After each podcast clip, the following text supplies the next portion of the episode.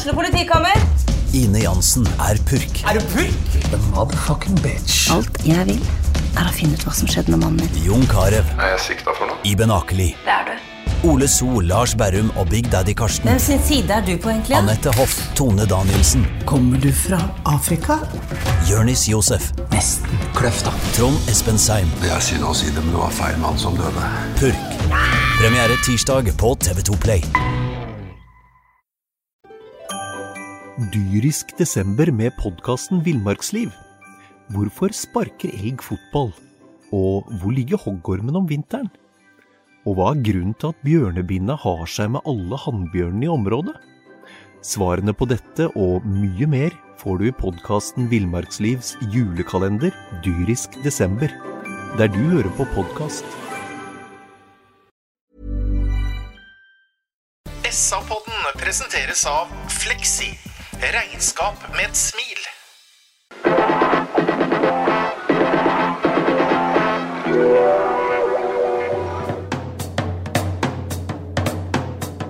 Sarpsborg Arbeiderblad gir deg en ny episode av SA-podden med Sven René Nygård, Øystein Weber, Petter Kalnes og Bjørn Inge Bingen Nilsen. Hei sann, og velkommen til en ny utgave av Sarpsborg Arbeiderblads fotballpodkast SA-podden. I dag er det veldig synd at dette ikke blir filma, for i dag sitter en solbrun Bingen som hadde vært en, hadde vært en berikelse for alle å se han i eh, vigør. Er du bra med deg, Bingen? Ja, det er bra. Kosa meg veldig to uker på Tenerife nå. Det har vært eh, overbra, for å si det helt ærlig. Har du fintenkt, eller? Fintenkt. Uh, hatt mye dype tanker eh, og hatt det veldig fint. Jeg tenker på deg, Svein. Du var jo i Syden for bare noen uh, uker siden. Du var ikke så brun, du. Nei, men jeg ble litt glad når Bingen sa han har vært der i to uker. For han er jo kanskje mer enn dobbelt så det ser ut som han har dyppa i sånn sjokoladesaus. Hele kvelden. Men uh, jeg satt ved siden han på tribunen i dag, og det er klart at han dro fram den hvite T-skjorta litt ekstra. Og, og ja, så, så folk kunne se kontrastene, rett og slett. Men, Men han er litt opptatt av Det er noen som påstår at ingen er forfengelig og jålete, men det er ikke det. vet. Nei, da, det er- Øystein, du har bare vært inne sjæl, holdt jeg på å si. Nei, altså, men jeg vil bare kommentere Bingen, jeg òg. Jeg syns ikke Bingen er forfengelig i det hele tatt, men jeg syns han er pen om dagen, altså. Og sånn han kommer tilbake her nå, nydelig, brun og vital og flott. Han hever nivået. i- Ja, hever virkelig nivå. Ja, ja. Takk for det. takk for Høyreist det. fin mann. Yes, vi skal snakke om fotball, ikke om Bingens utseende, selv om det er eh, interessant nok, det. 1-1 mot uh, Odds ballklubb fra Skien, Sven. Hva sier du om det? Nei, altså det var en litt sånn skuffende fotballkamp. Fordi, eh, men jeg sa det litt før også. altså Her kommer Sarpsborg 08 i bedre form enn de nesten noen gang har vært. Odd er i dårligere form enn de noen gang har vært. Eh, Vi taper aldri og pleier å slå Odd på hjemmebane osv. Så, videre, og så, videre. så alt lå jo til rette for tre poeng. Men, men jeg står for det da at dere Odd trengte det poenget så mye mye mer enn Sarpsborg 08. For eh, jeg kan jo nesten ikke huske sist når det var igjen tre-fire fotballkamper hvor vi ikke beit neglene helt ned til rota. Eh, vi hadde liksom ikke det vi, hadde ikke de nødvendighetene som eh, ga den siste desperasjonen. Det tror jeg var litt sånn avgjørende. Men samtidig så er det jo andre ting som spiller inn. Vi spiller en medium fotballkamp. Vi har en, eh, en dommer i dag som dessverre har huet under armen og armen i bind og alt på en gang. Han, han gjorde det meste feil i de siste minuttene med å frata vår straffe. Idiotisk omgjøring av corner, karrieretruende takling på Dario Canicia som eh, kunne tatt ankelen hvor det ikke kommer gult engang, osv. Så, videre, og så, videre. så det var mye rart. Mm, Det var mye rart. Det var det Jan Frode Nordnes Øystein, treneren til Odd, sier i et intervju etterpå at han er eh, strålende fornøyd med ett poeng mot det han omtaler som Eliteseriens største formlag, og det, det er jo vitterlig. Eh, Så, så Odd fikk den kom for, egentlig. Ja da, og de kommer jo ikke for noe mer. For eh, etter 84 minutter i dagens kamp, så har jo Odd produsert null målsjanser. Så det er klart at det å komme unna med å ta med seg ett poeng hjem for dem i dag, må jo være veldig bra. For Én ting er at vi ikke produserte veldig mye i kan, kanskje kampens eh, første halvdel, men det gjorde Neigu ikke Odd heller. Det, det, var, eh, det var eh, rett og slett eh, kanskje ett poeng de kom for. Ja, Det virker unødvendig, Bingen, av Sarpsborg å ikke vinne den kampen her. Gjør ikke det? Ja, ja, det virka jo som en kamp hvor i hvert fall forsvarsspillerne hadde senka skuldrene betraktelig. da. Altså, Det var ikke noe det var eh, ikke noen sånn framoverlent pasningsspill i dag. Jeg ser at de er fine på, på jeg, jeg, trodde faktisk ikke Utvik hadde det stoffet i seg, for å si det sånn. Så ut som en million av pasningslegger. De tok jo med Anders Kristiansen. Det var innom hele veien. altså Det blir litt Det ser veldig pent ut, men det blir jo ikke noen målsjanser av det så dypt i banen. Og de venta jo på at de skulle lokke ut på en måte Odd eller litt høyere i banen. Men Odd kom for å få det ene poenget. Det hadde nok ikke de hadde nok ikke surra det med 29 heller, men de, de ville jo være, mm. gjerne være trygge med å få det ene poenget. og de de fikk det de kom for, og vi eh, hadde ikke vår store dag offensivt, eh, selv om vi er bunnsolide defensivt igjen. Og det er ikke noe negativt det jeg sier om, om Utvik og Magnar og den uh, forsvarstreeren der med Dyrestam, og når Joakim trekker ned og Vikne trekker ned og Anders Kristiansen er med og spiller ball bak, så virker det veldig råflott, men det produseres ikke noe mål så langt tilbake på banen. da.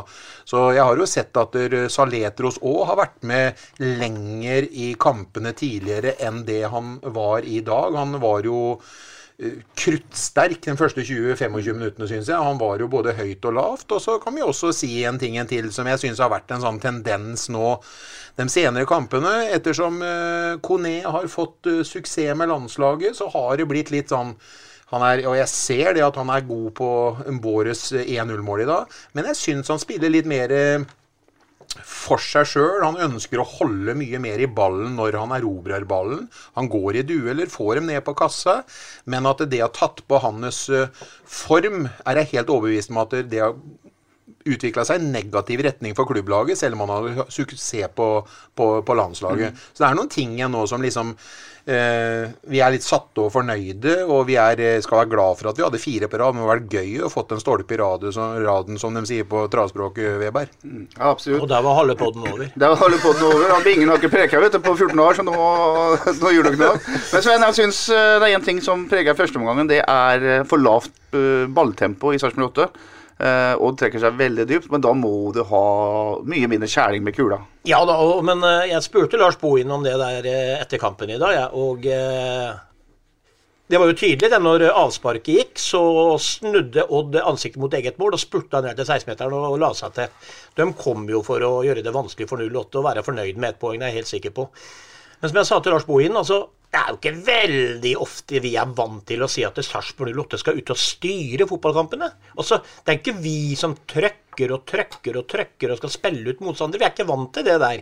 Så det, det må øves mer på. Eh, men du, du, har jo helt rett i det. For, for, å kunne bryte dem ned, så må du være litt mindre fiksfakseri, og så må du gå fort unna. Eh, Bodø-Glimt gjør jo alt dette her riktig. ikke sånn Doble på kanter, kommer rundt, kommer til harde legg med presisjon, gode løp inn i boksen. Men det har ikke vi øvd nok på, så, så det var ikke noe overraskelse for meg at det ble vanskelig. Det, men du har helt rett. Balltempo, balltempo, balltempo og presisjon. For den første omgangen, Øystein i hvert fall for en nøytral tilskuer så var ikke det mye å rope hurra for. Nei, det var ikke. Det, ikke. så ærlig må vi være. Det var ikke noe veldig høy underholdningsverdi i det. Samtidig så skal vi være litt edruelige midt oppi det hele. Vi er inne i en helt fantastisk periode nå når det gjelder poengplukking. Vi, vi driver og plukker poeng i et tempo som, som hadde holdt til medalje sju dager i uka. Så så, så, det er bra. Men, men, og i dag så Vi kommer jo litt tilbake til det, Petter. Eh, I dag så har vi egentlig en tolvtemann eh, mot oss også i helt avgjørende situasjoner. For, eh, for vi blir jo også snytt for et helt soleklart straffespark etter hvert. Mm. Tolvtemann er altså ikke Fossefall i den sammenhengen her, men dommer eh, Marius Grøtta Hansen som har hatt bedre dager på jobb. Det kan vi ta litt mer om etterpå. I første omgang så er det jo en brukbar sjanse for, uh, for, Eirik Viktene. Et skudd som han ikke treffer ordentlig. Ellers så er det ikke Det er ikke mye målsjanser. En bra kontring helt på tampen der uh, Maigård ikke treffer en uh, bra pasning fra Linseth. Odd har vel så å si ingenting. Anders Kristiansen er vel knapt nok i aksjon før, før, pause. men jeg noterte allerede etter 53 sekunder bingen at Joakim Thomassen er helt oppe i 16-meteren til, til, Odd og står et godt innlegg. Altså det er de gikk tøft ut fra start her, men så døde, døde jo liksom hen da, i løpet av omgangen. Ja, I dag så ble ikke avspark spilt bakover. I dag gikk det rett fram. Mm. Og det, det, var en ny grei. Og det har, vi jo, det har vært etterlengta på stadion. ja, noen sesonger nå.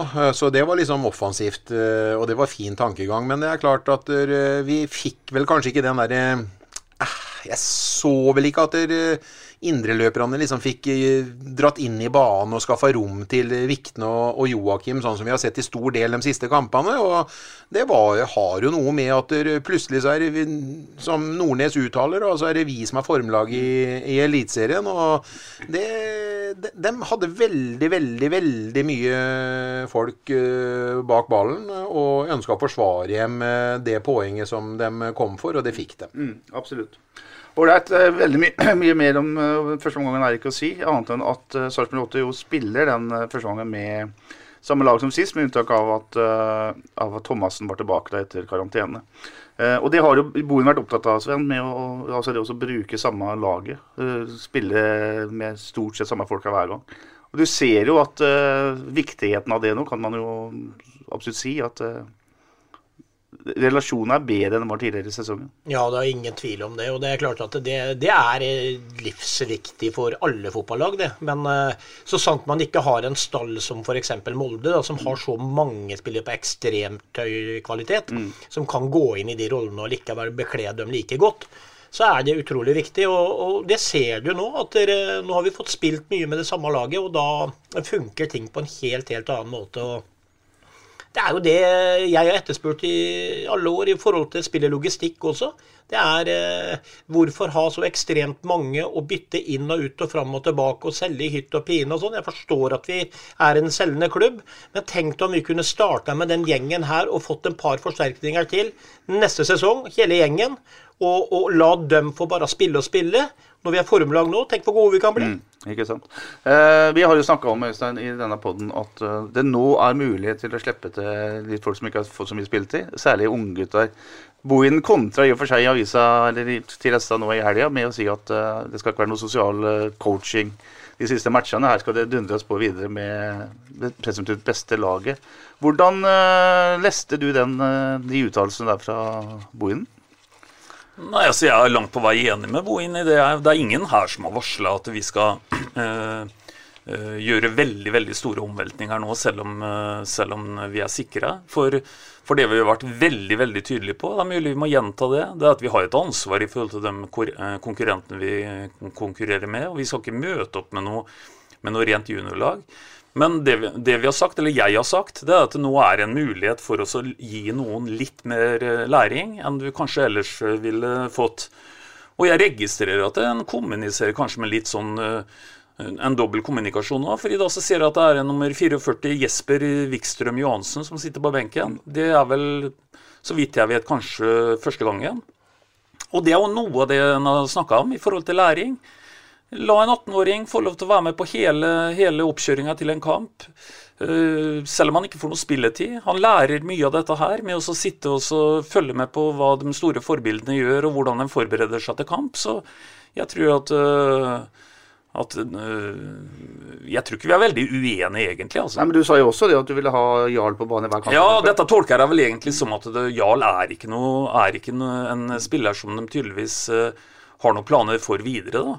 Og Der gikk jo også Thomas Berntsen tydelig ut og sa at sånn jeg tolker det, så har han avslått, og vi har på en måte ikke noe mer å snakke om. Jeg, jeg vet ikke hva som er greia. For øh, jeg tenkte jo at det nå var en mulighet for oss å prøve å kjøre han inn som en øh, potensiell forsvarsspiller. Men kanskje Jeg kjenner ikke alt rundt dette. Og det er mulig at Jarl er helt uaktuell for Mm. 2022. Uh, Bingen, det er jo ikke sånn at vi vet hva som skjer i det indre gemakker på stadion, men eh, jeg skjønner at Bohin vil vinne flest mulig fotballkamper nå. Men kan klubben, eh, hvis man ønsker da, å gi litt unge gutter f.eks. litt spilletid, gå inn og si til treneren at eh, nå skal du prioritere det faktisk ut sesongen? Selv om han, han- skal bort, så han har ikke noe ansvar, Lars, men eh, Nei, jeg vet ikke om Jeg tror ikke liksom Hvis ikke det var uh, avtalt da han kom, at det lå et dokument på hvordan han ønska Hvordan klubben ønska at han skulle drive laget, da. Så så tror jeg Lars Bohin eh, er i sin fulle rett til å kjøre og gi bånn gass på den elveren og den 15 eller den 13 han har lyst til å bruke til enhver kamp. og sånn jeg jo tolker det, Som Veberg helt riktig sier, så er det kapittelet med Sebastian Jarl eh, avslutta. Og da er det heller ikke noe grunn til at Sebastian Jarl skal, eh, skal bli spilt inn eh, i en elver så lenge han eh, har avslått eh, tilbudet fra 08. Ja. Det er jo sunn fornuft ja. fra både klubben og som Bingen selvfølgelig er like fornuftig. da. Bingen Nei, men jeg skulle gjerne sett at Sime Simen Vittu Nilsen eh, skulle fått, mm. fått en kamp. Eh, han eh, hadde definitivt vokst eh, med å få lært av en feil, eller eh, stått som en vegg, for å si det sånn. Så hadde det vært en fin lærling uansett. Ja, og så er det sånn, Bingen, at når vi ser førsteomgangen i dag, som er litt blodfattig, så er det jo ikke sånn at så er det jo ikke sånn at det også kjørte inn en to eh, fra sidelinja supermotiverte folk som eventuelt ville vise seg fram, hadde svekka produktet i Nei, det hele nei. tatt. Så, så vi må liksom kalle en spade for en spade her òg. Det, det er fullt mulig her å tenke to tanker Mm. samtidig. En kunne godt eh, kjørt inn vi, vi snakker jo ofte om at vi har en brei stall, Sven. Og jeg mener det at eh, hvis vi har en brei stall, så er det klart det er åpenbart muligheter for å kjøre inn nummer 13 og 14 og kanskje 15, uten at det skal svekke eh, førsteelveren veldig. Hva tenker du? Kan godt, nei, nå skal jeg bare svare på det. Det kan godt hende at Bohin er enig med Sven, og så er Bohin og Sven uenige med klubben i forhold til antall spillere i stallen og hva som skal prioriteres, og hvordan den stallen skal prioriteres. Så det var bare det jeg hadde lyst til å si til det. Der har du vært knallhard siden du kom inn i podden, Sven, på at klubben prioriterer feil i forhold til antall spillere i troppen kontra hvordan man egentlig, etter din mening og Bohin sin mening, skulle ha spissa troppen helt annerledes enn det de gjør per i dag. Ja, ja. Spissa troppen helt annerledes, med færre spillere, og heller hente med høyere kvalitetsserie. For utgiftene på de spillerne som er, og som aldri spiller, de er jo til stede, og det, det koster masse penger. Og der kunne man brukt eh, de pengene på å, å hente enda større kvalitet på en litt høyere hylle. Men det jeg egentlig bare hadde tenkt å si i forhold til dette her med å slippe til nye spillere, jeg er helt enig med Øystein. Kanskje ikke sette en fire på likt, liksom, men en Simen Wittun eller eh, en annen unggutt fått en sjanse. Men jeg liker liksom ikke uttalelsen i avisa når man da på slutten av stykket sier at dere men det kan være en mulighet at jeg kanskje kan bytte inn litt tidligere hvis det føles trygt. Da sier du også mellom linjene til de spillerne som sitter på benken der, at dere stoler jeg ikke på, dere er et stykke unna. Riktig. Eh, siste tema rundt dette her, Øystein, er jo det faktum at Sarpsborg 08 nå møter I dag var det Odd, som til en viss grad var involvert i en bunnstrid. Eh, så kommer Mjøndalen, som er midt inne der. Og så er det f.eks. Brann i siste matchen. Og da har jo det der ansvaret overfor eh, de klubbene man skal møte, og, ikke minst de andre klubbene som er i samme situasjon. Så- ja, ja, ja, ja. Og det skal han jo ikke kødde med. Uh, skal vi virkelig bryte ned vårt eget omdømme, så hadde det jo vært også liksom gjort noen eksperimenter nå på slutten som åpenbart ga oss et dårligere sportslig produkt. Det er ikke det vi snakker om. Det er ingen her av oss fire her som snakker om det. Vi snakker om at det er mulig å tenke at, eh, at uh, Tolke litt psykologien i gruppa. Se her at du har en sulten 14-15-16, altså nummer, ikke Mm, mm, åring, mm. som nå vil inn også på en måte blø for drakta. Det er det vi snakker om. Vi snakker ikke om å gjøre noe grep som eh, skal gi uh, førsteelveren uh, noe veldig svekka uh, Altså, vi snakker ikke om å lage et svekka produkt. Nei, for hvis du aldri får spilt, hvis ikke du får prøvd det, så får du aldri utvikla det. Så enkelt er det, altså. Ja. Og Sebastian Jarl er jo et eksempel på en eh, landslagsspiller som kommer til Sarpsborg, og som på ditt har blitt sagt reiser herfra hvis han forsvinner nå, som en nesten fast tredjedivisjonsspiller. Ja, og så bare følge opp det Bingen sier, og han har jo helt rett i det. Han sier at hvis du aldri får tillit, hvis du aldri får spilt, så får du på en måte ikke uh, utvikla deg. Og da må, vi, da må vi kunne stille det litt retoriske spørsmålet. Når skal du da kunne spille? Om det ikke er når du tre, fire, fem runder før slutt har på en måte berga plassen. Det er jo ikke når vi eh, setter i gang en serieåpning og folk har forventninger om gull og grønne skoger. Og det er jo ikke når du eventuelt ligger nedi der og, og alt er livsviktig. Alt du foretar deg er livsviktig. Så hvis du ikke nå eh, ser muligheten for å gi noen litt erfaring, kanskje et kvarters innhopp, kanskje litt uh, være med i en tropp som vi snakker om, og alt det rundt det der, ja, da er det jo aldri muligheten der, da. Ja, men det, Problemet rundt Sebastian Jarl den, eh, den er jo kanskje avslutta som dere mener nå. Da er ikke jeg like sikker, men det stemmer sikkert det. Men poenget her er at han, det er jo ikke nå han kanskje ikke han skulle kommet inn mye tidligere. Det er jo lenge siden han skulle få prøvd seg, noe han ikke fikk. Og det er dessverre eksempler på det. Se på han Sigurd Kvile, er det det han heter? Altså, han har spilt Champions League-kvalifiseringer, og han, han, har kommet inn for Bodø-Glimt en del ganger, og selv om han eh, har vært ska... Men altså, han har enormt potensial, men det, det, han fikk jo ikke muligheten. Og så han havna i Bodø-Glimt, gutter. Og han har spilt Europacup. Det er, eh, det er fordi at de tør å prøve, ikke sant. Og det, det må vi begynne med nå i Sarpsborg 08 også.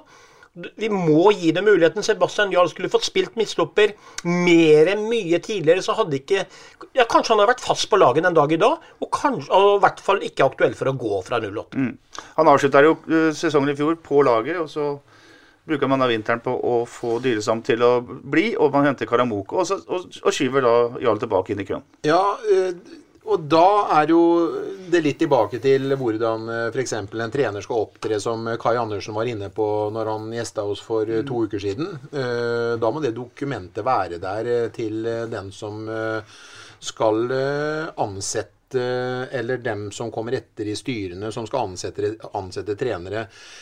Jeg ser ikke at Lars, Lars Bohinen gjør egentlig ikke noe gærent, men Lars Bohinen, han kjører knallhardt på en, en smal tropp. Og er, en, en, en, er det kort eller er det, er det skader, så tar ikke han noen store sjanser. Det er nesten Du vet hvem som skal spille på den plassen der da. Han, han alternerer kanskje på 14 spillere, han. Og det er ikke noe galt, han, men han, han utvikler ingen spillere. Han kjører knallhardt på ferdig utvikla spillere. Sånn er Lars Bohin som trener, men hvis klubben mener noe annet, eller ønsker noe mer med, med Erland Johnsen og André Bergdølmo og den jobben Sander Solberg har gjort, og dem som dem utvikler nå. For det er jo ikke noe tvil om at guttelaget og juniorlaget gjør gode prestasjoner uh, nasjonalt nå. Mm. Og hvis man mener noe med det, så jeg mener ikke at vi skal stille med en juniorlag i Bergen, og det mener jo ingen andre heller. Det, men, men da, da, må klubben mene noe med det dokumentet når de ansetter og forklarer hvor det står at det minimum sånn og sånn og ditt og datt, mm. og vi skal se fruktene av det som den jobben som gjøres i junioravdelingen og ungdomsavdelingen. Men Bohinen er mest sannsynligvis ikke ansatt på den premissene. Derfor er det ingen som kan blame Bohinen for den jobben han har gjort nå. Han har virkelig fått fart på sakene, og det er som Sven sier, tenk om vi kunne gått inn i sesongen eh, i 2022 med den elveren vi avslutter med på Brann stadion, så kunne det virkelig vært eh, ja, det, det, Da kunne vi snakke om høyere eh, tabellposisjoner, altså. Ja, for hvem vet? Kanskje grunnen til at vi nå var i ferd med å sette klubbrekord, og vi klatrer på tabellen og sånt noe, kanskje det ikke alene er Lars Bohin, men at det er kontinuitet. For, for det har vi ikke holdt på med noe særlig siste året. Kanskje det er nøkkelen. Kontinuitet på bra fotballspillere som får spille og får spille og får spille, og lite utskiftninger. Kanskje det er grunnen til at vi gjør det. Kanskje Hadde vi klart det fra starten av en fotballsesong, kanskje vi kunne kommet høyt som fy. Ja. Altså, men det, det, har vi ikke fasiten med her nå. Men det er bare å stille spørsmålet. Kontinuitet istedenfor bytte, bytte inn og ut og fram og tilbake, og nye spillere inn og ut og Altså, ja. Mange gode eksempler på det der. Eh, Bodø-Glimt i fjor brukte knapt nok 15 mann. Leicester i den eventyrsesongen brukte knapt nok 15 mann. Arsenal spilte samme forsvarsfireren i, i, i 15 år. Så, 23 år. Så Kontinuitet er selvfølgelig viktig. Ålreit, vi er ikke kommet lenger enn til pausa. Da spiste vi eh, vafler sikkert, eh, Stein. Også... Du gjorde antagelig det. Jeg, jeg tok en, en, kopp kaffe. Ja. Du tok en kopp kaffe. Jeg spiste faktisk en pølse i lompe. Og så går vi ut i annen omgang, 46 minutter. Corner og dagens første straffesituasjon. Bjørn Inge Utvik går inn i en duell og blir Jeg syns han blir dratt rett ned. Jeg vet ikke om dere har sett det og har noe å mene om det. Altså, Jeg så det for dårlig, og de, prøvde vel å vise en reprise av det òg, men det var jo så fantastisk genialt det med de reprisene. For det, akkurat det situasjonen kommer, så kom det en reklame i en firkant over, ikke sant. Så, Tror du det var tilfeldig, Sven, at reklama kom nei, akkurat da? Nei, det har vi snakka om før. Når VAR kommer, og så blir det jævla mye reklamer på storskjermene, og de tjener penger som gress. De skal ikke vise kontroversielle situasjoner på storskjerm, for da blir det da blir folk sinna, da, skjønner du, Svein. Ja da, jeg skjønner det. Men eh, altså, Bjørn Inge Utvik tar sats for å gå opp i en hodeduell og, og, og, blir dratt ned. Det kunne vært et straffespark. Vi lar den ligge. 54 minutter, så gjør eh, Bohin sitt første grep. Kristian eh, Fardal Opseth eh, kommer inn for eh, en Mikkel Maigård, som har spilt bedre kamper for 08. Og det blir vel lagt om da, Sven, til en, det vi kan kalle en 3-5-2-variant, med Kone og Fardal Opseth på topp. Og Fardal Opseth er en smart fotballspiller, Binger. Han, uh, jeg, jeg, liker typen. Ja, jeg gjør det, jeg òg. Og så syns jeg han hadde svakke som uh, varte uendelig, eller altfor lenge. Men uh, han Jeg kan jo ikke komme ifra det at han har gode posisjoneringer og har et fint venstrebent og er veldig fotballsmart innafor motstanderens 16-meteren. Det handler ikke bare om å, å avslutte sjøl, men han, uh, han er flink til å finne luker og medspillere. Så det er en uh, god fotballspiller. Men jeg har også lyst til å si det nå, for at det blir og vi får jo noen skumle sjanser. Og jeg har lurt på hele sesongen uh, hvorfor uh, Rossbakk ikke står i mål lenger. I hvert fall liksom en god del av sesongen. Og det fikk du et godt bevis på i dag. Faen i helsike, han keeperen der tar ut noen redninger som er ganske matchavgjørende. Mm, altså. mm. Absolutt. Uh, men han klarer ikke å gjøre noe med Saletros etter, etter 69 minutter, uh, Sven. Uh, Eirik Vikne spiller til Saletro, som på høyresida fører ball ganske langt. Slår en stikker til Kone, som vender opp. Slår en 45 graders passing ut igjen. Og så tar vel Saletros et par touchbånd, og så dunker den opp i hjørnet. Det er et fint fotballmål. Ja, det er klassemål, og akkurat det der hadde jo ikke Saletrius gjort for ti kamper siden. Eh, nå har det gjort det en par-tre ganger, liksom, og han har en helt annen tro på seg sjøl, og han smiler, og han er Nei, det er, det er, klasse. Det er liksom Det er jo det Saletros eh, hva skal vi si, altså Jeg påstår at sånn som han har vært før kampen i dag også, de siste fire-fem kampene, så har han vært Eliteseriens beste fotballspiller. Han har, han har, alene vært med på å dra det 08-lasset over til offensive høyder, som vi ikke har sett tidligere.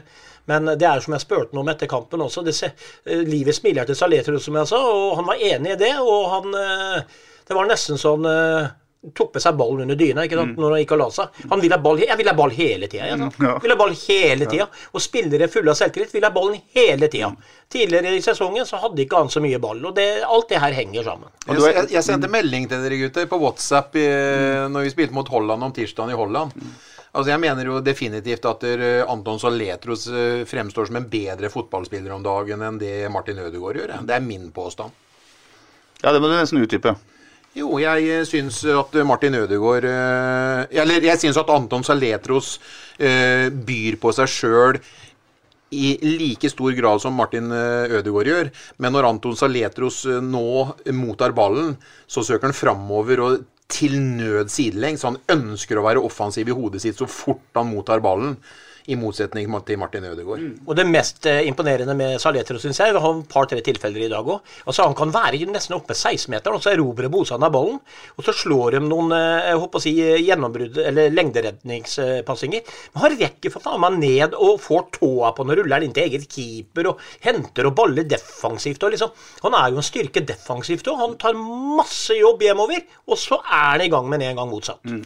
Ja da, og så må vi Vi sa en gang om Kone at vi, vi har ikke fått noen primadonna-spiss fra Mali. Vi har jaggu ikke fått noen primadonna-spilfyrer fra Sverige heller.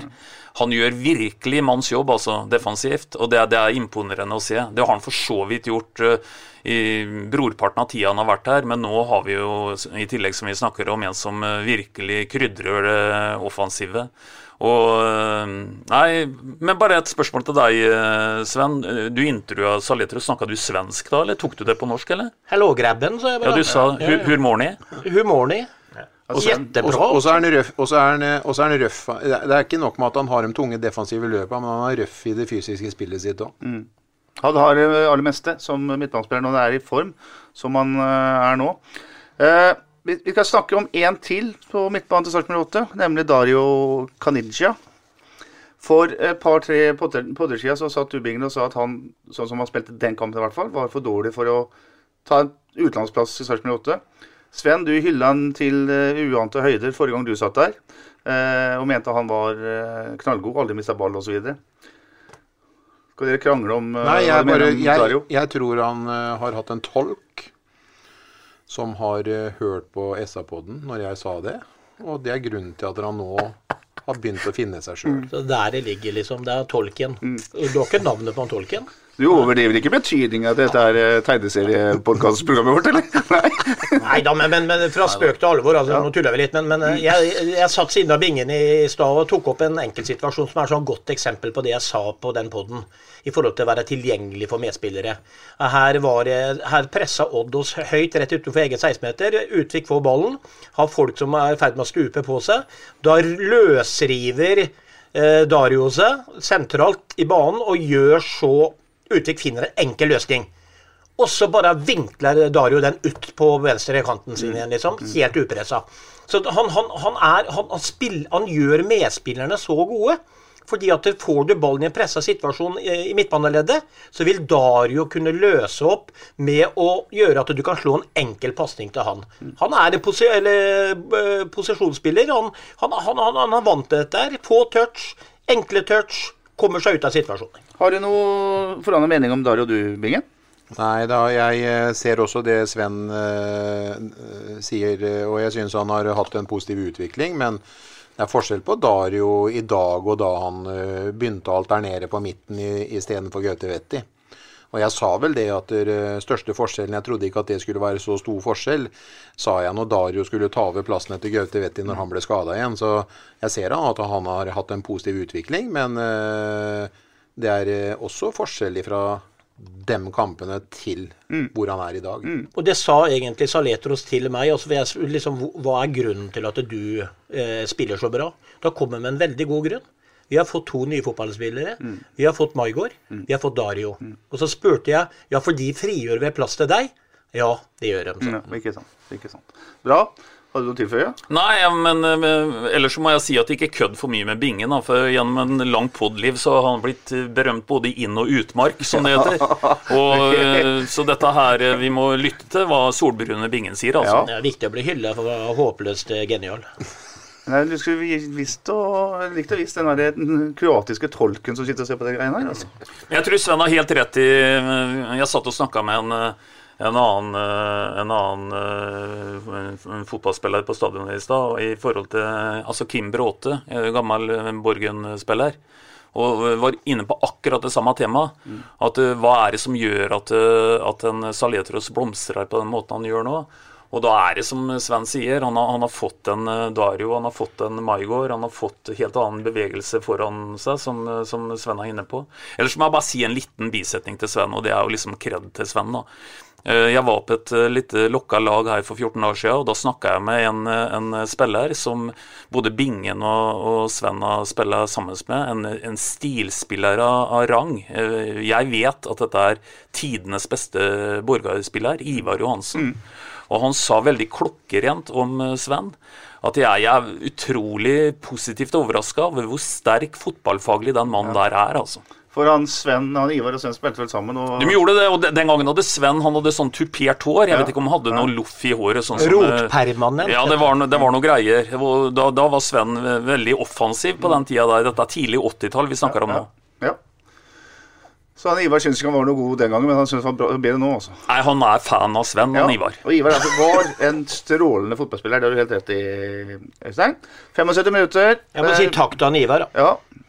Det er synd ikke liksom, du kan skryte av deg når du spilte, da. Det er liksom 30 år etterpå, så Men eh, du har hørt det, du òg. Det er bedre sent enn aldri. Ja, ikke sant. Ok, skal vi fortsette? 75. Ja, ja.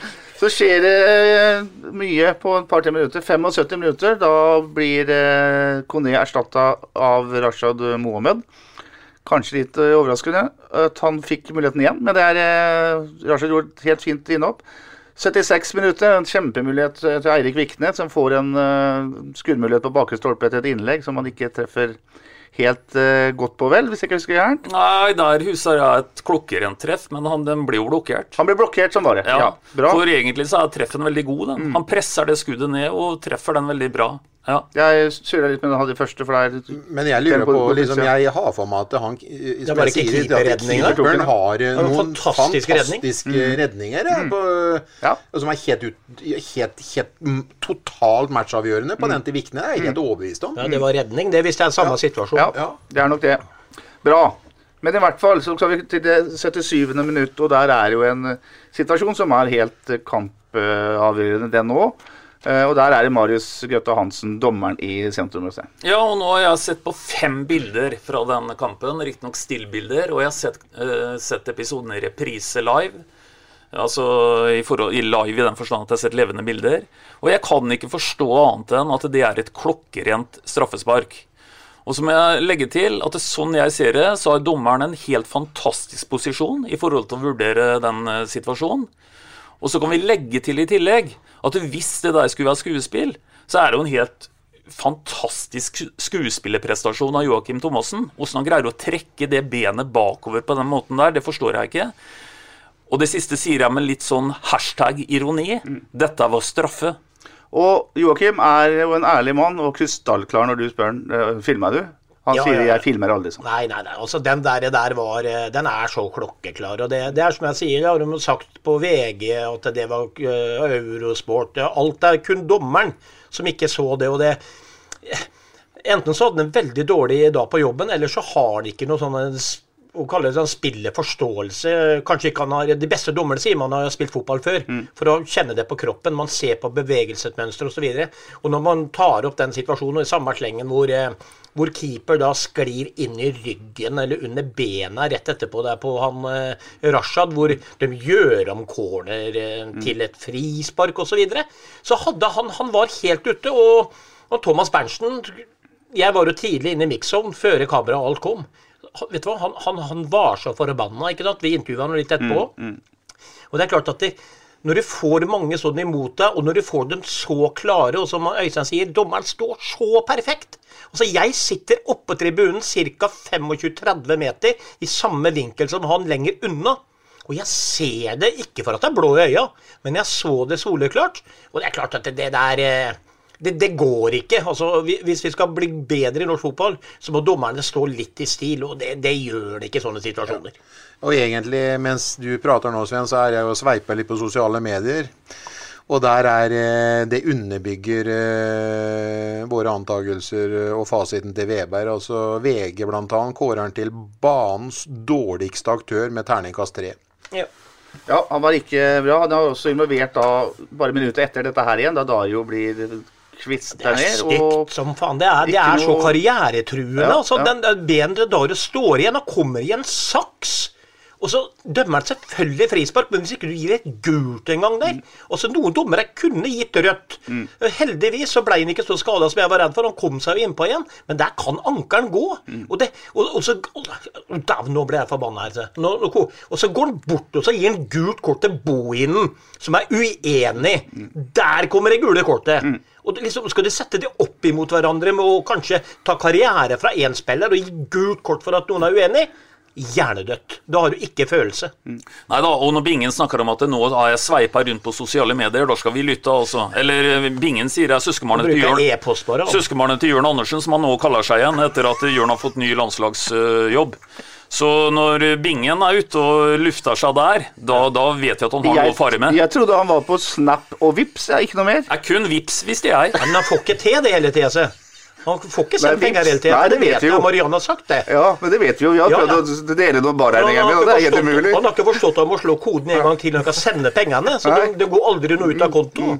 Tar det når jeg kommer hjem, sier han Bingen. Det glemmer man jo alltid. Gammelt eh, triks. Bra det, Bingen. Eh, og så dør egentlig det trøkket som Sarpsborg 08 har eh, mer og mer bort. Og 83 minutter så kommer en eh, ja, Det er vel ikke Odds eneste skudd på mål, det er jo litt å ta i, men iallfall det er en, eh, fint innlegg som Syver Aas sklir i nota, Sven. Det føltes fryktelig unødvendig. Ja da. Eh, men det er liksom litt tilbake til bare den der fotballfølelsen jeg har. At det er liksom Sånn som kampen var der og da, hvor vi blir litt snytt og skal avgjøre kampen og drepe kampen og alt dette her, så er den der go-en i det Odd-laget så sterk helt til den fløyta går. For de vet at det poenget sannsynligvis gjør at de slipper å og på en måte tenke nedrykk. da. Og da har de den desperasjonen. Og når du ser på den situasjonen om igjen, eller hvis man kunne gjort det, når det legget kommer der fra høyre, så er det ikke én eller to fotballspillere der inne som har mørke drakter. De stuper inn og skal ha inn den ballen der. Så det var, det var en sånn derre eh, superdesperat handling som eh, nå kjemper vi for livet-opplegg, og der sitter han. Men det kjennetegner jo ikke Odd kveld, det du sier der. da, For jeg sitter og ser på en liveoppdatering som, eh, som sikkert også noen følger. Og det, siste, det er litt interessant at den siste kommentaren som kommer der, før Odd får sin eh, 1-1-skåring, det er at bortelaget har fortsatt det gode å skape én målsjanse i kveld. Ja, men Jeg sa ikke at de hadde skapt mange, men den, den, den desperasjonen for å det, Sånn som de trykka på, Ja. på det, akkurat det innlegget der, når det nesten er slutt, hvor de kommer med hud og hår inn i den situasjonen, det kjennetegner sånn lag som Se på åssen Mjøndalen holdt på borte mot Godset. Det er så mye vinnervilje i de situasjonene Mjøndalen er inne i, og det mener jeg Odd viste et prov på på siste der. Ja, det tvinger faktisk fram et par muligheter til. og Anders Kristiansen må ut og ha en redning. Pluss at det er en dødball som eh, er litt skummel. Eh, hva syns du om baklengsmålbingen? Var det noe å trekke, du som er eh, forsvarsminister i tillegg til mye annet? Jeg så det ikke så godt, ja, men jeg synes han sto veldig langt inne, han som hedda han. Men eh, det er mulig jeg eh, ser det helt feil. Nå har vi dratt hit, eh, rett hit, og spilt inn den podden, så jeg har ikke fått uh, gått gjennom noe. Jeg, men eh, eh, hadde Anders Kristiansen stått akkurat der, så hadde han vel fått den kanskje i brystet istedenfor at han hedda den. Jeg vet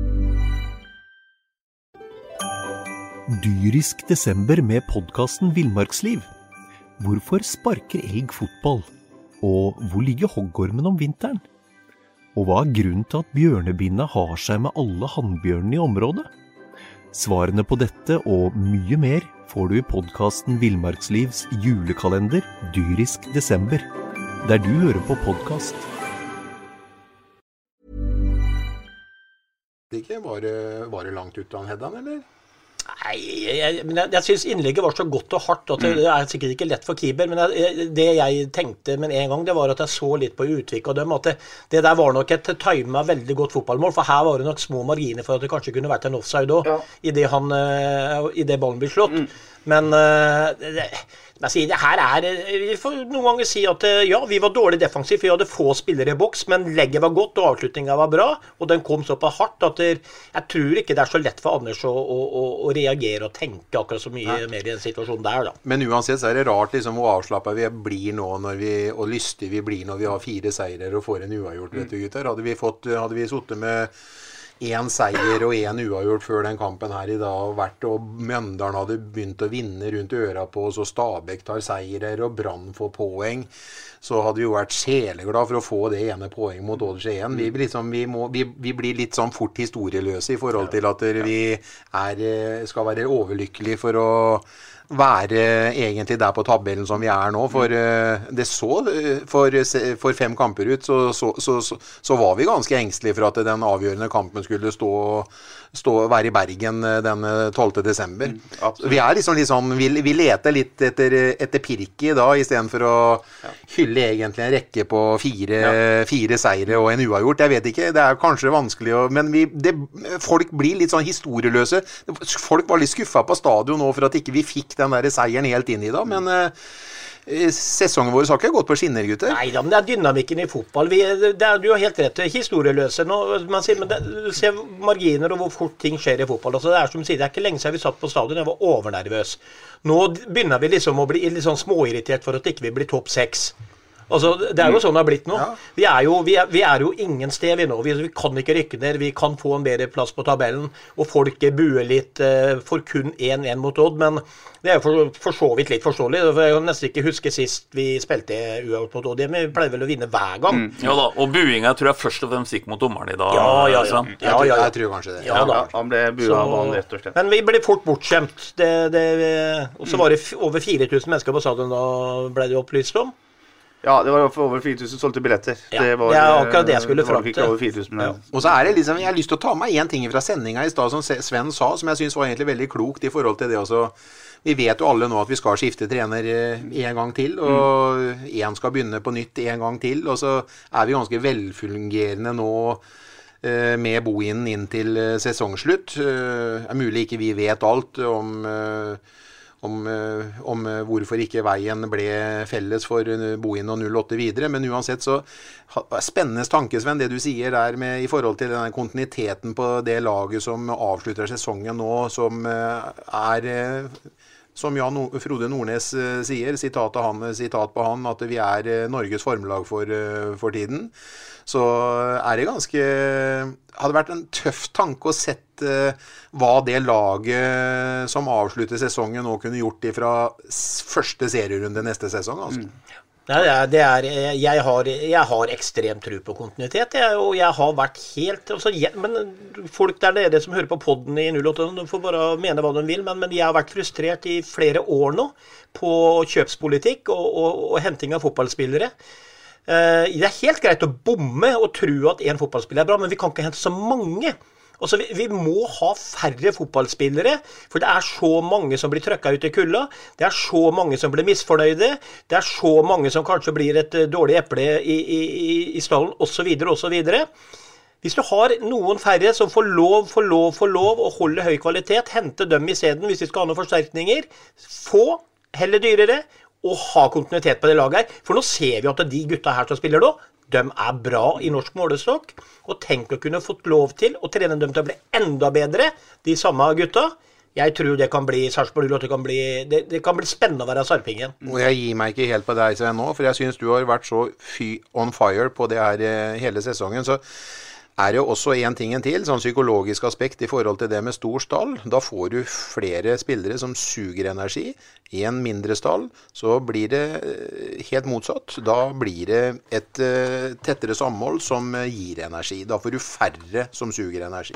Men det lille Thomas Berntsen har sagt om dette temaet denne høsten, Øystein, tyder jo ikke på at det blir noen stor endring? Nei, og så får vi se hva som skjer, da. Eh, jeg er jo ikke nå veldig bekymra for at eh, vi skal mm, ikke kunne oppleve en del kontinuitet. For en del av de spillerne som vi nå ser at eh, leverer varene, de har jo kontrakt i 2022 også.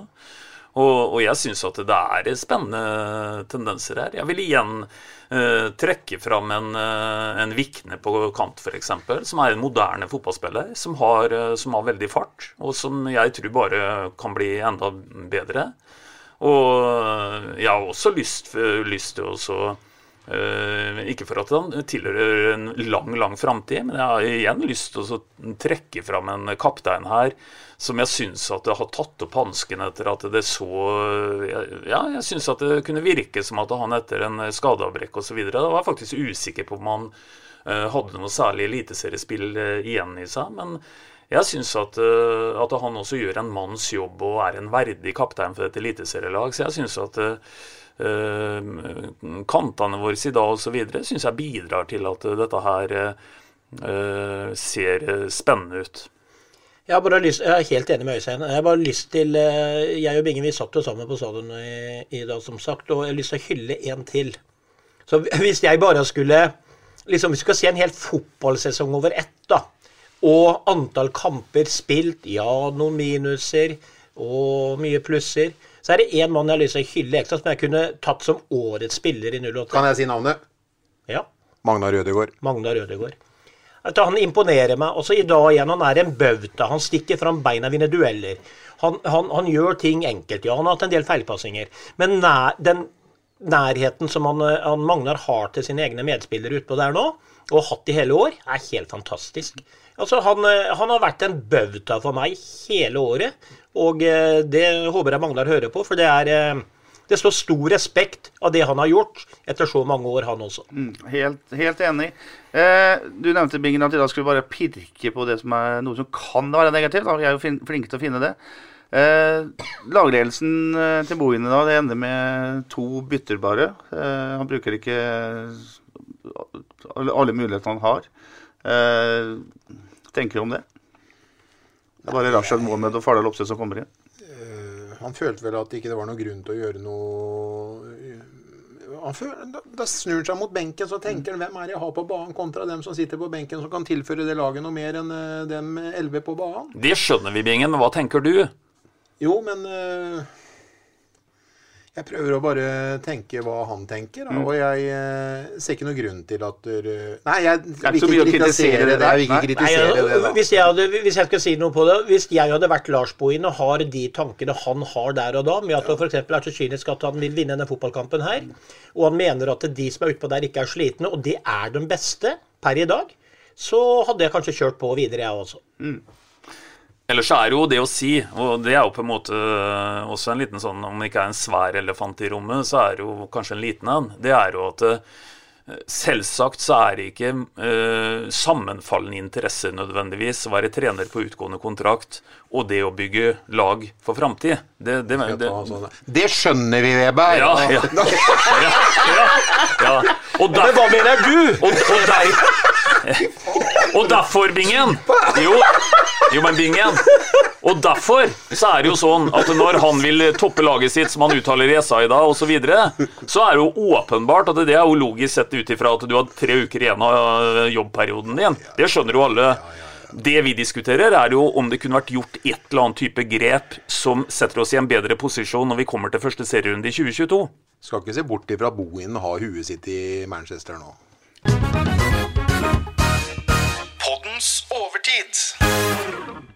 Det var en frisk fresk avslutning på, på hovedsendinga, holdt.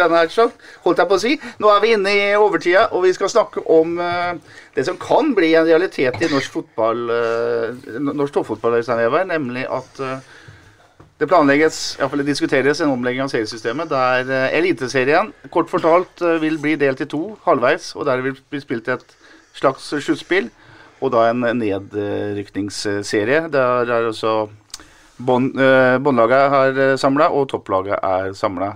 En dansk modell. Eh, Ståle Solbakken sa jo det nesten med en gang han kom tilbake til norsk fotball, at eh, det her må vi se på. Eh, norsk toppfotball, altså interesseorganisasjon for topplaga, er eh, interessert i å se på tanken, og, og styret i Fotballforbundet har også sagt det samme. Eh, din eh, første tanke når du hørte dette her første gang? Første tanke skeptisk. Veldig skeptisk. Av den enkle grunn at eh, vi har vært litt innom, innom det før. Jeg har i hvert fall vært litt innom det før. At det kødd ikke for mye med produktet. Vi snakker om et produkt som har vært uh, det samme siden vi begynte å følge tippekampene tidlig på 70-tallet. Den eneste regelen av en viss betydning siden den gangen er vel at det ikke er lov å spille tilbake til bingen, og at han kan ta opp ballen med hendene. Og det tror jeg det er en grunn til. Og det er, eh, det er at du, du, du jangler ikke for mye med et produkt som, eh, som er det mest populære spillet som eh, folk kjenner. Og jeg hører hva de sier. Jeg hører at Leif Øverland i norsk toppfotball sier at vi vil utrede det, og vi vil jage marginer. Det er det vi gjør i toppidrett. Det høres helt riktig og politisk korrekt sagt ut, det. Jage marginer. Men jeg tror det er andre steder du kan starte å jage de marginene, enn å innføre et uh, sluttspill. eh, innføre at eh, du kanskje får en to, tre, fire kamper ekstra i løpet av en eh, sesong som skal gå mot marginalt bedre motstand. Husk på at vi er i en liga hvor det er ingen bombe om laget som ligger som nummer 16 slår laget som ligger på tredjeplass f.eks., osv. Så jeg er eh, i utgangspunktet skeptisk til noe sluttspillvariant. Nå hørte jeg hva Drillo uttalte. Jeg er ikke enig med Drillo på alle, mm, alle plan. Han, eh, han får stå for sitt, men akkurat denne gangen Mm. så støtter jeg Drillo. Drillo er krystallklar og syns det var noe forbanna tull, for å si det rett ut. Eh, hvis dette systemet her blir innført, Sven, så kan vi si at Sarpsborg 8 gjør en god vårsesong og er nummer ni. Eh, og har med Rosenborg og Molde og Bodø-Glimt én gang. Men de får ikke møte topplaga noe mer den sesongen der. Da skal også vi som går på stadion, gå og se på Sandefjord og uten å forkleines for noe, Sandefjord og Mjøndalen og de lagene som er nedi der. Er det bra for produkta lokalt sett? Nei, absolutt ikke. Nå, ikke. nå skal jeg være bonde ærlig og si jeg har ikke satt meg veldig mye inn, inn i dette her. Men jeg støtter i hvert fall veber på én ting. At det, å ordne for mye med det produktet vårt og prøve å finne opp eh, halvveis fotballen på nytt, eh, på en måte, det, det er ikke jeg noe for det heller. Men jeg så også en del jeg så et intervju av noen fra supporteralliansen, mener jeg det var, hvor eh, man tok opp problemer som visstnok hadde vært andre steder med den modellen, og som var høyaktuelt å tenke på. Eh, det lønte seg å tape en fotballkamp et eller annet sted for å ja, om det var noe hjemme borte, hvem du skulle møte i det sluttspillet osv. osv. At det kan begynne å bli sånne ting. Men, men jeg er helt enig. Vi, vi, et seriespill som vi har nå, jeg tenker det at det, det skal vi fortsette med. Og så er det dette med den marginale som han, eh, Øystein var inne på også. Hva faen, vi kan Tren mer, da vel! Eller gjør noe med underlaget de holder på med, eller la det gå en faen i deg isteden og bli bedre i norsk fotball. Du kan begynne å, å, å trikse med kampprogrammer og, uh, for at vi skal bli mye bedre. Jeg er ikke enig i de greiene der. Nei, ikke sant. Nei, Bra. Jeg er irritert i det. ja, du er det. Så Bingen bare ler òg, vet du. Bingen, før du ler deg er, du- er du konservativ når det kommer til dette her, du? Det er jo to fossiler som sitter ved siden av her. Nei, jeg, jeg, jeg er helt, akkurat her er jeg helt enig med Drillo og Veberg. Ja. Ja, Og Nygaard, da. Men for er ikke jeg med her lenger nå, eller? Tre fossiler som uh, ikke vil gjøre noe for alt. Men mener du noe, Petter? Jeg har ikke noe mening om noen ting. Nei, du har ikke lov, Jeg, Jeg er enig med dere. Ja, det er bra. Jeg vil ikke ha noe endring i seriesystemet, Øystein. Men Danmark er en langt bedre fotballnasjon enn oss. Uh, Midtjylland, eh, selvfølgelig FC København, går stadig langt, gjør det bra i europacupene. Det er lenge siden, og norsk lag gjorde.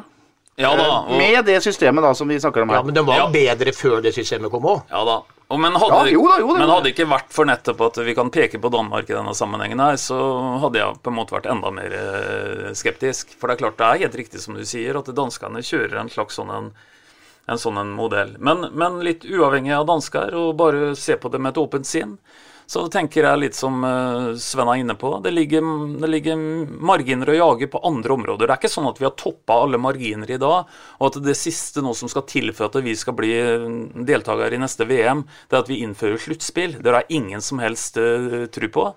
Eh, Jeg tror det går på treningshverdagen, jeg tror det går på sånne ting. Mye mer enn det går på å innføre et, eh, innføre et sluttspill. Og igjen, eh, folk blir kanskje litt lei av å høre det, men eh, kan vi ikke igjen bare ta en liten titt på hva Bodø-Glimt gjør, da?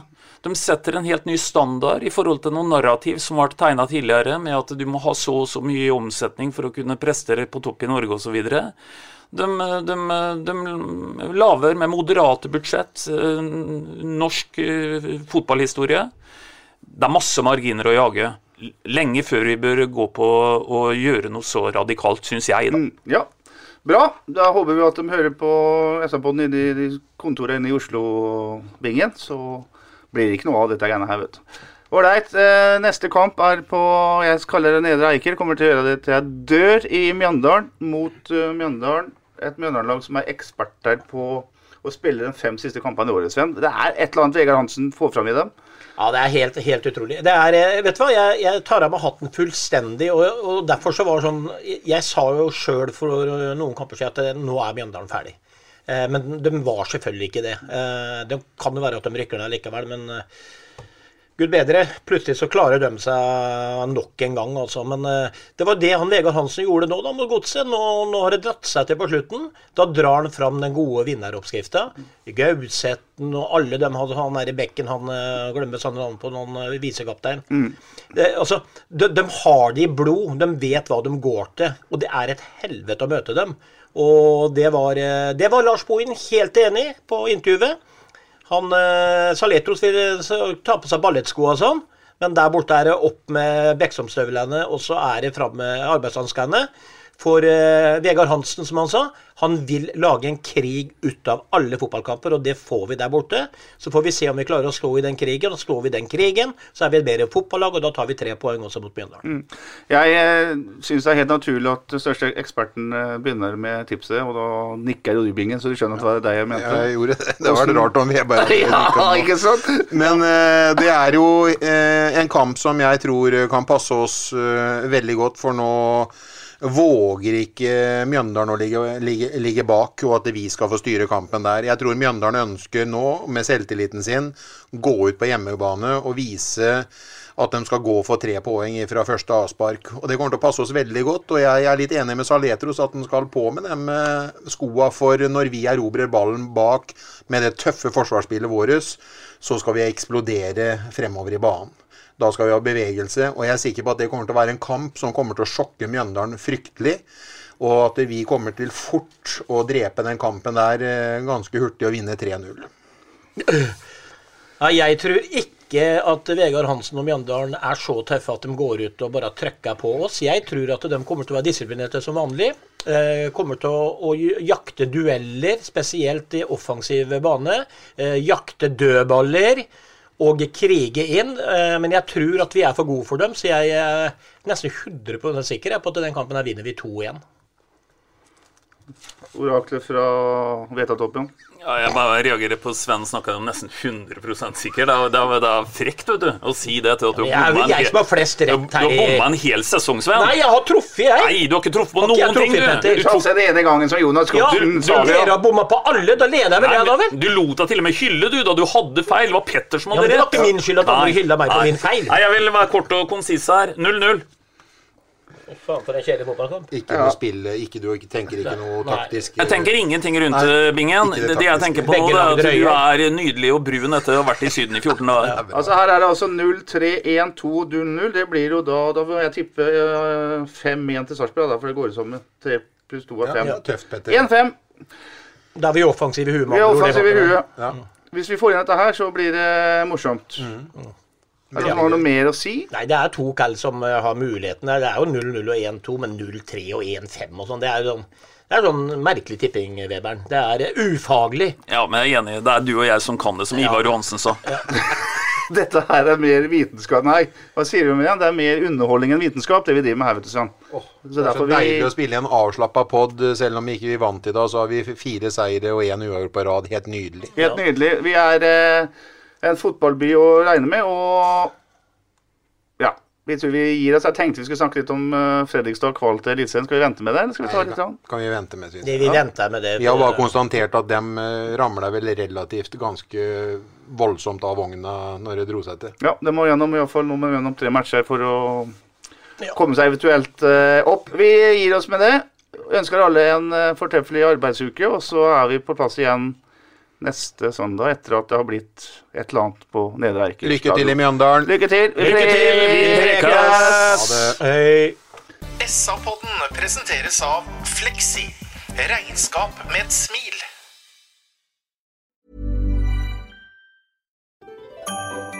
Dyrisk desember med podkasten Villmarksliv. Hvorfor sparker elg fotball? Og hvor ligger hoggormen om vinteren? Og hva er grunnen til at bjørnebinna har seg med alle hannbjørnene i området? Svarene på dette og mye mer får du i podkasten Villmarkslivs julekalender Dyrisk desember, der du hører på podkast. Ukens annonsør er HelloFresh. HelloFresh er verdens ledende matkasseleverandør og kan være redningen i en travel hverdag. Mange av oss har nok vandret i butikken både sultne og uten en plan for middagen, som ender med at vi går for de samme kjedelige rettene gang på gang. Middag burde være dagens høydepunkt. Som HelloFresh kan du nå velge mellom 25 ulike retter hver eneste uke, eller få HelloFresh til å sette sammen menyen for deg. Dette gir deg muligheten til å prøve nye og spennende retter alene eller sammen med familien. Du velger antall porsjoner og får alt levert på døren på et tidspunkt som passer for deg. Oppskriftene er enkle, og maten er lett å lage både for store og for små. Ved å få alt levert hjem får du også mer tid til å dele matgleden med familie og venner.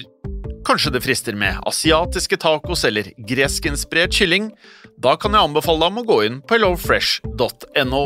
Her kan du bruke koden FOTBALL og få opptil 1779 kroner i rabatt på de første fem matkastene hvis du ikke har prøvd HelloFresh tidligere.